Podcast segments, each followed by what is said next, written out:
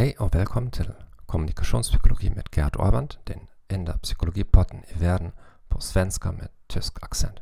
Idag kommer vi att prata om gaslighting. Gaslighting är när någon försöker diktera dig din egen verklighet. Har du haft liknande situationer? Någon säger jag känner dig bättre än du känner dig själv. Jag vet bättre än du vad du behöver. Du överdriver dina egna känslor. Dina känslor är helt fel. Du förstår aldrig situationen. Varför är du alltid så känslig?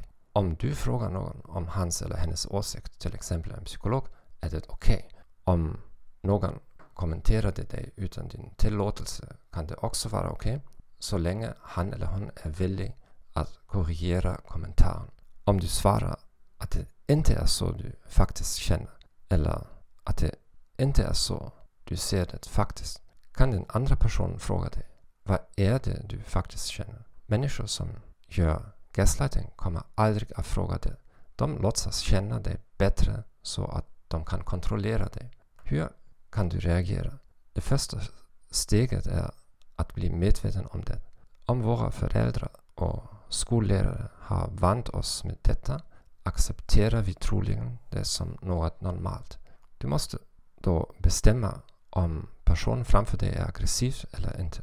Om ja, ska du bara säga följande till dig själv. Annars, säg det högt. Du säger bara va? Om personen upprepar exakt samma sak frågar du igen va?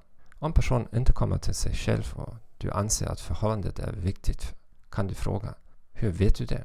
Eller som en möjlighet till förtydligande. Det är inte så jag känner eller ser det. En strategi som jag just försökte nyligen framgångsrikt är att göra ett litet experiment i sinnesläsning. Om du kan läsa mig, berätta vilken bok jag planerar att läsa nästa. Eller något annat. Svaret var, men det är absurt. Jag kan inte läsa dina tankar. Det är exakt tankar.